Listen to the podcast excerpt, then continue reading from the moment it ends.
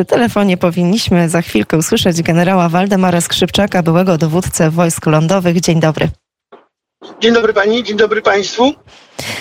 Panie generale, nie wiem, czy pan także był z nami, słyszał pan e, to, co mówił przed chwilą wiceszef MSZ Paweł Jabłoński, zapytany o, o te informacje, które do nas płyną, mianowicie ewentualny atak Rosji e, na Mołdawię właśnie pod tym pretekstem wsparcia dla mniejszości e, rosyjskich. Proszę powiedzieć, czy uważa pan, czy pańskim zdaniem taki scenariusz jest możliwy i prawdopodobny? Znaczy moim zdaniem y, ten scenariusz jest mało prawdopodobny, ponieważ ten potencjał wojskowy, który stacjonuje w, nas, nie jest potencjałem, który mógłby zagrozić armii mołdawskiej. Ja obawiam się czegoś może innego, jakiegoś wewnętrznego przewrotu Mołdawii, jeżeli rzeczywiście takie, y, takie nastroje są Mołdawii, które były mocno przez wiele lat y, przez Rosjan nakręcane. Być może jest taka siła w w Kiszyniowie, która mogłaby sprawić, że przewrót byłby nastąpił e, pod kątem e, powiedzmy e, zwrotu w kierunku Rosji. Choć mówię, nie wiem jaka jest tam sytuacja polityczna, natomiast wojskowo bym się nie obawiał z uwagi na to, że ten potencjał wojskowy, który stacjonuje w Naddniestrzu, nie jest dużym potencjałem, nie jest to potencjał o wysokim morale i moim zdaniem wyszkolony, żeby móc dokonać agresji jakiekolwiek państwo, to po pierwsze. Po drugie, ten potencjał jest cały czas szachowany przez wojsko ukraińskie, które stoi przy granicy i pilnuje, e, żeby przypadkiem Rosjanom z Naddniestrza nie przyszła ochota i gdziekolwiek się udawać jakąkolwiek podróż, ale pewno nie na Ukrainę. E, zatem, e, jeżeli by do czegokolwiek miało dojść, do użycia siły ze strony Rosji, to Rosjanie musieliby przeprowadzić prawdopodobnie operację powietrzno-desantową na lotniska Mołdawii i tam wysadzić swoje wojska, ewentualnie wtedy zająć Kiszyniow, choć moim zdaniem te ich wojska, e, e, które mogłyby, mogliby wykorzystać do takiej operacji, one poniosły klęskę pod Kijowem i one nie są w tej chwili moim zdaniem zdolne do użycia, choć Rosjanie mogliby dokonać jakichś kompletacji tych jednostek wojskowych kosztem innych i przygotować taką operację, ale wydaje się, że jeżeli by taka operacja miała mieć miejsce, to wywiad amerykański satelitarny już by informował o tym, że rejonie lotnisk e, następuje gromadzenie samolotów transportowych rosyjskich i wojska desantowe, które mogłyby się na te samoloty załadować i być przerzuconymi na e, teren Mołdawii. Ale na razie informacji takich nie ma, zatem wykluczam interwencję e, wojskową na teren Mołdawii. Faktycznie, zgodnie z tymi ocenami zachodnich służb, na ten moment one też e, są takie jak tutaj pana generała, czyli że Rosja nie ma wcale aż tak dużego potencjału, a też, e, a też ciężko byłoby jej bezpiecznie pokonać taką trasę, no bo na przykład te samoloty mogłyby zostać zestrzelone w rejonie Odessy. A to tutaj też e, pytanie z perspektywy no już tych niestety kilku tygodni, bo każdy dzień tego krwawego konfliktu przynosi kolejne ofiary, ale taka ocena wojska ukraińskiego dzisiaj z tej perspektywy, panie generale, czy pan myślał po 2014 roku, później przez wiele lat, no powiedzmy, ta wojna trwała, gdzieś tam się tliła, ale o niej się tak dużo nie mówiło. E, jak pan dzisiaj patrzy na wojsko ukraińskie? Czy, czy, czy, czy spodziewał się pan, że ta obrona będzie tak zaciekła e, i jak pan je dzisiaj ocenia?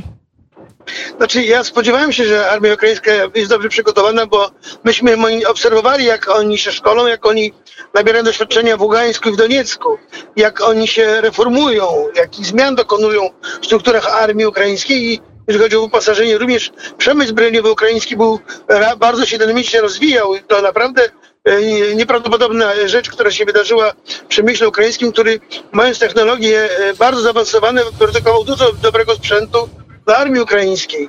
Natomiast e, wie pani, my wszyscy obserwowaliśmy Ukrainę i z podziwem my patrzyliśmy na ich reformy, ale również wszyscy mieliśmy w oczach e, i świadomości naszej obraz armii rosyjskiej, potężnej armii, która jest drugą armią na świecie, która pewnie, e, jak to wielu wieszczyło, rozniesie w mig armię ukraińską.